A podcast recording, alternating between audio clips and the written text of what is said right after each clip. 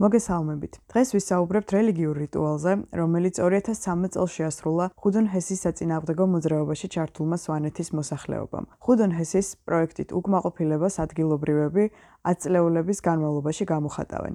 დღევანდელ პოდკასტში ვიმსჯელებთ, თუ რა სახის რელიგიურობის გამოვლენებას წარმოადგენს 2013 წელს შესრულებული ეს კონკრეტული რიტუალი და რა როლს ასრულებს ის ჰესის საწინააღმდეგოდ სვანეთის მოსახლეობის გაერთიანების პროცესში. დღეს ჩვენი სტუმარია ილიას სახელმწიფო უნივერსიტეტის ასოცირებული პროფესორი ფილოსოფიის მიმართულებით და სოციალური და კულტურის კვლევების ინსტიტუტის კოორდინატორი ლუკა ნახუცრიშვილი. ლუკა, საიდან იღებს სათავეს 2013 წელს ხაიშელების მიერ შესრულებული დაფიცების რიტუალი და რამდენად არის ეს რიტუალი სვანული ტრადიციის ნაწილი? ამ რიტუალს ხაიშელებმა მიმართეს მას შემდეგ რაც გაუწვილდათ იმედი რომ ახალი ხელისუფლება 2012 წელს ხელისუფლებაში მოსული ოცნება მართლაც გაატარებდა ესეთ პოლიტიკას რომელიც როგორც თვითონ ივანიშვილი ამბობდა ადამიანების კეთილდღეობის ხარჯზე არ მოუტანდა ქვეყანას განვითარებას და არ გახორციელებოდა ესეთი გიგანტური ჰესების პროექტები, როგორცაც გეგმავდნენ სწორედ ხუდონეს ნაკავშირებით ხაიშის მიდამოებში. და როცა იგრძნეს თავი გაწმილებულებად და მასთავარია ძალიან დაიძაბა სიტუაცია იმ ხრივაც რომ წნეხი გაძლიერდა ადგილობრივი და ცენტრალური ხელისუფლების მხრიდან ხაიშელებზე მათ მიმართეს სწორედ აი ამ ამ რიტუალს, რომელიც თავისთავად ერთის ხრივ მართალია სპეციფიკური არის სვანეთისთვის, მაგრამ თუ გადავხედავთ, რა ვიცი, ჩვენ ქართულ ლიტერატურასაც და ისტორიოგრაფიას, ან ეთნოგრაფიას, აღმოვაჩენთ, რომ სხვა მთის კუთხეებშიც არის და თქვა, რა ვიცი, მე-19 საუკუნის გურიაშიც და ძალიან ბევრგან შეხვდება ცხადზე დაფიცების მომენტი. ალბათ სვანეთისთვის განსაკუთრებული ამ შემთხვევაში არის ის, რომ დღემდე მოქმედ სვანურ სამართალში, ადათობრივ სამართალში, რომელიც აი სახელმწიფო პოზიტიური სამართლის გვერდით ძალიან აქტიურად გამოიყენება, მან დაფიცებას ძალიან დიდი დატვირთვა აქვს, ეს პრაქტიკულ ყოფით სამართლებრივ გარჩევებში. და ეს ანუ ხაძე დაფიცება ორივე მოდავე მხარის მხრიდან არის ფაქტობრივად მთავარი გარანტი იმისა, რომ შენ სიმართლეს ამბობ და იქ მოწმეებიც გიდგებიან თავდებად და ისინი ციფიცებენ შენთან ერთად, მაგრამ უშუალოდ რაც მოხდა 2013 წელს ეს დაფიცება რაც რასაც ხაიშელებმა მიმართეს თავიანთ წმინდა გიორგის ეკლესიაში, წმინდა გიორგის ხატზე. ამას ასე ხშირად არ ხვდებით, ასე ვთქვათ, სვანეთის ისტორიაში გამოიყოფა ხოლმე რაც განსაკუთრებული შემთხვევები, როცა უფრო ფართო საზოგადოებრივი პრობლემა როცა იდგა, ან თქო რაღაცა ტიპის ან თავდაცვის საჭიროება იყო, ან მასობრივი მობილიზაცია იყო საჭირო, რათა გაერთიანებული იყო სვანეთის თემები, სხვადასხვა თემები. ისინი მაშინ მიმართავდნენ ხოლმე აა ესეთ ერთობის ფიცს, ასე ვთქვათ, რომლითაც უდასტურებდნენ ერთმანეთს, რომ ერთად იბრძოლებდნენ მტრის წინააღმდეგ. ვთქვათ, ყველაზე ცნობილი რასაც თვითონაც უსვამენ ხოლმე ხაზს და აი ბოლო წლებში სულ ტივტივებდა ხოლმე, ეს არის ეს ცნობილი ხალდეს აჯანყების წინ დაფიცება, როცა რუსეთის იმპერია დააპირა იქ მიწების აზომვა სვანეთში 1870-იან წლებში. რეალურად შეიკრიბნენ სვანეთის თემები და დაიფიცეს რომ ასე ვთქვათ არ დაუშვებდნენ ხო შეწინამდეგებდნენ ნუ ჩაახშეს სისხლში აქვე მცირე შეკითხვა ეს ხუთონ ჰესის ამბავი ხომ საბჭოთა კავშირის პერიოდშიც აქტუალური იყო. მსგავსი ხო არ მოხდა რამე თუ იცი იმ პერიოდში კოლექტიური დაფიცების ფორმატში. მსგავსი რაღაცა მაშინ არ მოხდა რა ეგ ძალიან მაინტერესებდა მეც საინტერესო არის ის რა თქმა უნდა ხუთონ ის საწინააღმდეგო მოძრაობის დაწყება რო უკავშირდება ერთის მხრივ სტუდენტურ მოძრაობას და მთლიანად ეროვნული მოძრაობის აღზევებას ხო 80-იან წლებში. თუ რელიგიურ ფაქტორზე არის საუბარი ხშირად ახსენებენ რომ თქვა კოლექტიური ნათლობა წამოიწა წინ მაგრამ უშუალოდ დაფიცების აი ეს დაფიცების ტრადიცია რეალურად აი ახლა 2013 წელს აღადგინეს აი ამ მასშტაბური პოლიტიკური შეფიცების ფორმით. არის რაღაც ნახევრად ლეგენდად დადის და ეს ვერ გადავამოწმე და სხვადასხვანაირად იხსენებენ მოხუცი სვანები რომ კოლექტივიზაცია რომ დაუპირეს 40-იან წლებში სვანეთს, მაშინ კონდათ გლეხებს ბოლო ასე ვთქვათ, აი ესეთი დიდი კოლექტიური ფიცის ცდელობა, მაგრამ ეს რაღაცნაირად ხალდეს შემდეგ რამდენად კონდა მართლა ადგილი არ დასტურდება. საინტერესოა თვითონ რამდენად იყვნენ ამ რიტუალში ჩართული მაგალითად ადგილობრივი ახალგაზრდები და რო განვაზოგოთ რამდენად იცნობენ ისინი ამ ტრადიციას ან თუნდაც ანუ რიტუალებს რომ დავარქვათ სახალხო რელიგიური ან ჩვეულებრივი.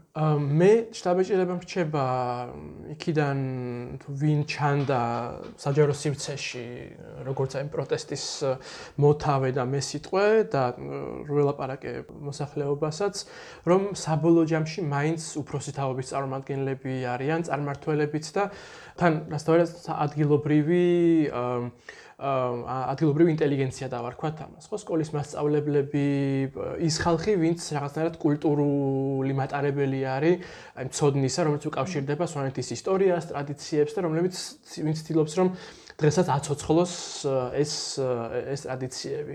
ახალგაზრდების შემთხვევაში ისინი პრინციპში გეუნებიან რომ ისინი ეთანხმებიან ამ ყველაფერს და იმონაწილეებს და მათაც თქვა დაიფიცეს მამაკაცებზე რა თქმა უნდა საუბარი, იმიტომ რომ ქალების შემთხვევაში არც არის საუბარი მასე რომ ისინი რამენერად უშუალოდ იქ ხათთან იფიცებენ, თუმცა თქვა ხელ ხელს აწერდნენ ფიცის ტექსტს, როგორც რაღაც ასეთ სამოქალაქო პროტესტის დოკუმენტს.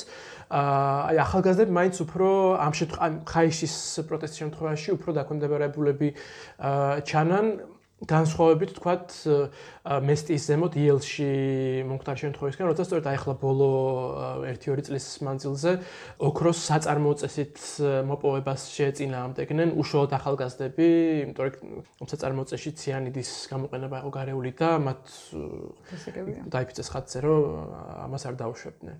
და ეს რიტუალი რაც შესრულდა ხაიში, რასახის რელიგიურობაზე მიგვითითებს იყო მედიაში სხვადასხვა სახელების დარქმევა ამ რიტუალთან დაკავშირებით წარმართული ზოგი ამას ასე ეძახი ზოგი ქრისტიანული. თუ შეიძლება რაიმე სახის კლასიფიკაციაში მოვაქციოთ ან საინტერესოა თვითონ ის ხალხი რას ამბობს, ვინც ითავა და ვინც ჩართული იყო. ამ დაფიცებაში, მათთვის ეს არაფრით გამორჩეული არ არის, იმიტომ რომ გიხსენებენ დაწყებული პრეზიდენტის ფიციდან დამთავრებული ჰიპოკრატეს ფიცით ექიმების, ან სასამართლოში, თქვათ, თუნდაც ხო, ფიცი ან თქვა ჯარისკაცის ფიცი, ხო?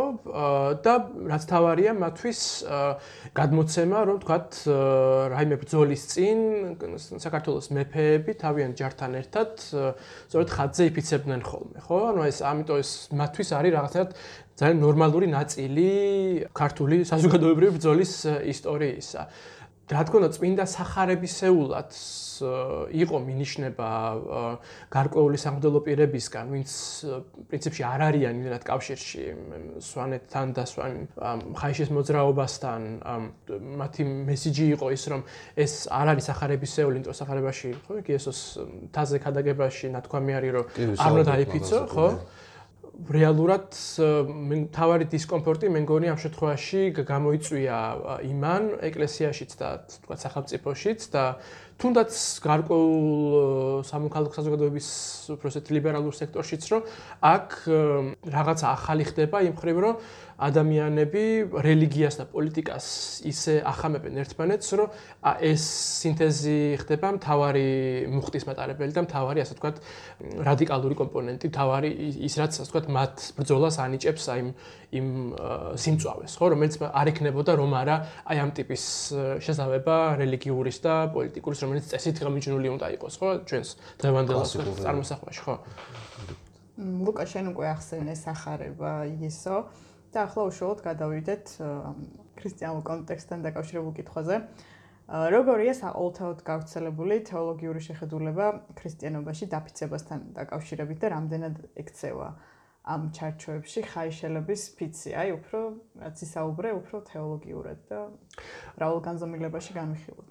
აი ეგ ან მე ჩემი კომპეტენციიდან გამომდინარე, მაინც შემიძლია ვთქვა ის, რომ ისტორიულ დინამიკაში რო შეხედოს კაცმა ერთის მხრივ გვაქვს თქვათ ეს მართლაც ისტორიული ფაქტები, რომ პოლიტიკურად ხო რაღაც ბრძოლების წინ ბრძოლის ველზე ხაზზე დაფიცება მართლაც იყო ნაწილი, ხო თანამედროვე ტიპის სახელმწიფომდე ასე ვთქვათ, ქართველი მეფეებისთვის და ამაში ჩართული იყო კიდევაც ეკლესია. თვითონ ამ ხაი შეიძლება მარაც შეადგინეს ფიცის ტექსტი, ნაწილი ადგილობრივი სამღვდელოების მხრიდან მიწოდებული ერთ-ერთი ძალიან ძველი ანათემის ტექსტი არის, რომელიც ვთქვათ, წევლას უთვლის არაკეთილ მსახურთ, ასე ვთქვათ.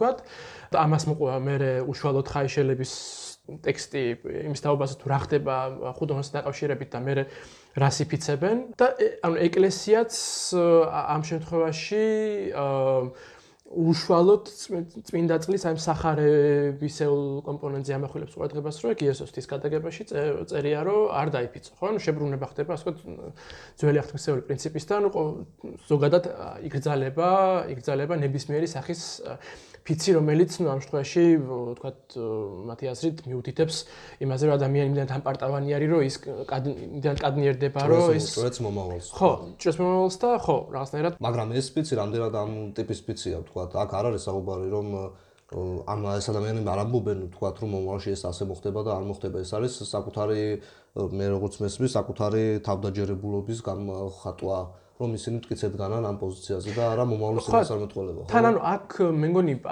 მათთვის არ არის იმდენად მნიშვნელოვანი რომ მაინც და მაინც სიტყვა სიტყვით თქვა სახარების სახარებასთან ახლოს იყოს. ეს ხო ის როგორც თქვა არსად ბიბლიაში არ წერია რომ მეფეებს უნდა დაეფიცათ ან დაეფიცებინა თავიანთი ჯარი ხაცე ბძოლის წინ. ასევე ხო ანუ უბრალოდ რაღაცა მართლა რელიგიურ სახალხო ტრადიციის შემოადგენელი ნაწილია ეს ხაზი დაფიცება, ხო? სახარებისეული პრეტენზია ამ ხალხს არ არც აქვს, ხო, არც აქვს ამ შემთხვევაში. მაგრამ მე თავარი რაც რაც მართლა დისკომფორტს ქმნის ამ შემთხვევაში და სწორედ აიძულებს ეკლესიასაც რომ გარკვეულწილად თავდაცვით პოზიციაში დადგეს და საკუთარი თავი წარმოაჩინოს როგორც თქვა თავარი ქრისტიანული ტექსტის ერთადერთი სწორი განმარტებლის ხო პოზიციიდან ილაპარაკოს ამ შემთხვევაში რა თქმა უნდა ნუ გასაგებიც არის რომ ისინი სწორედ სახარების თქვა ასოზე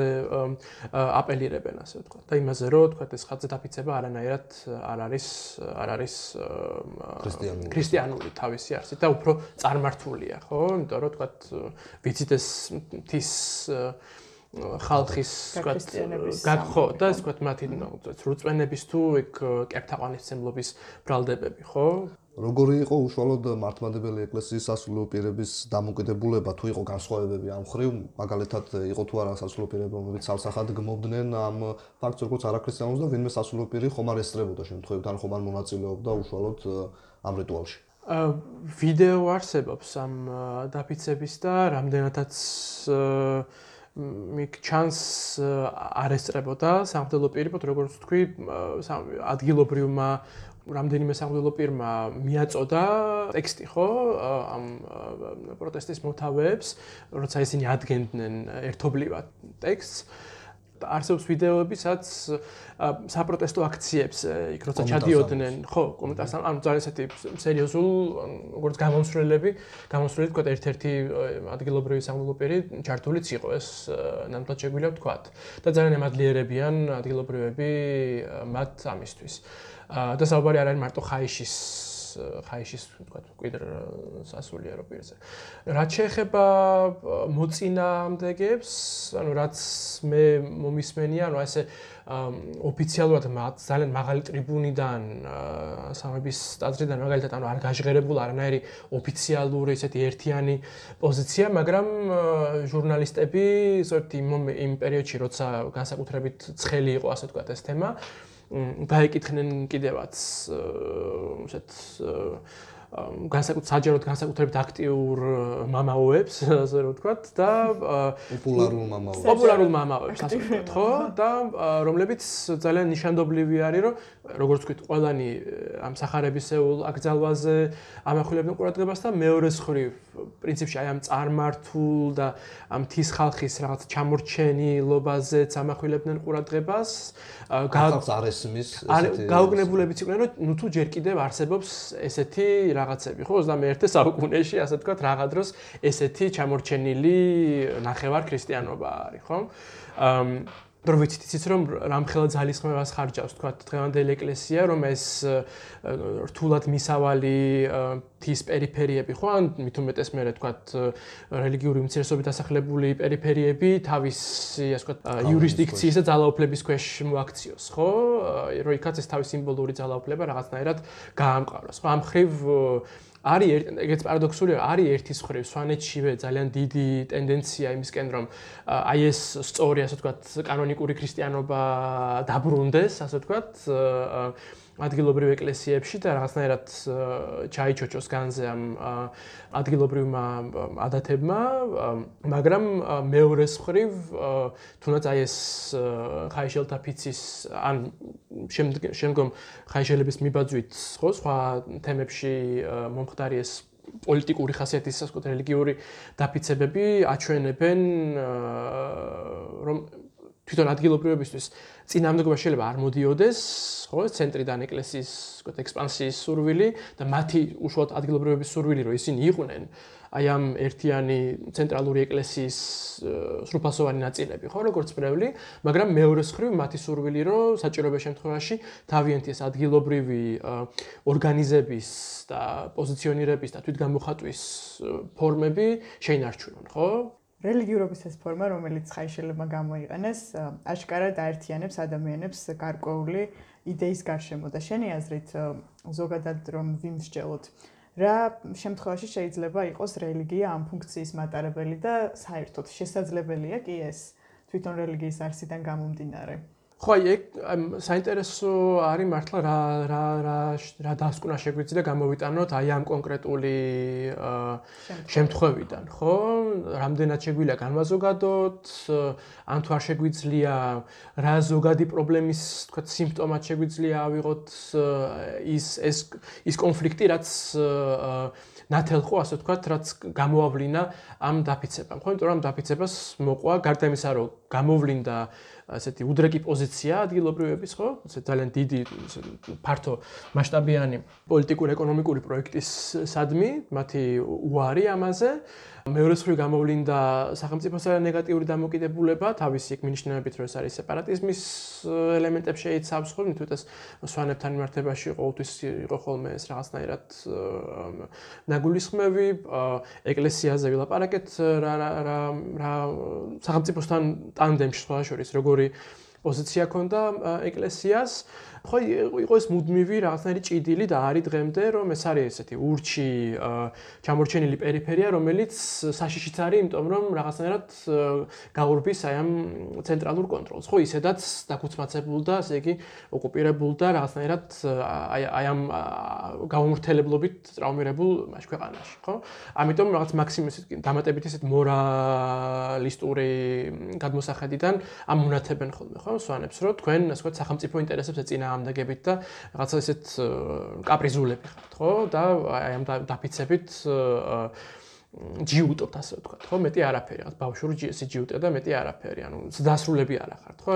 ეს არის მუდმივი მესიჯი. ცივილურები არა. ცივილ და ცივილურები არა ხართ, ხო? ანუ აღსაზრდელები ხართ აი ამ რაღაცა განმანათლებელი მოდერნიზატორი სახელმწიფოს მიერ, ხო? და ეგ არის პარადოქსული, როგორ ეკლესიაც, რომელიც როგორც წესი მოინიშნება ხოლმე, როგორც ეს, ხო? სიბნელის მხარეს, სიამბლეში სრულიად სახელმწიფოს რელსებზე დგება, იმიტომ რომ ისიც სვანებს ელაპარაკება როგორც ჩამორჩენილებს, რომლებიც ხო ქრისტიანობის ფარგლებშიც არა, ასე ვთქვათ, მართლმორწმუნეები არიან, არამედ ჩამორჩენილები არიან უბრალოდ, ხო, რაც იმ თავითვე არის ეს რაღაცა პროგრესის ენაზე მეტყოლებენ ისინიც, ხო?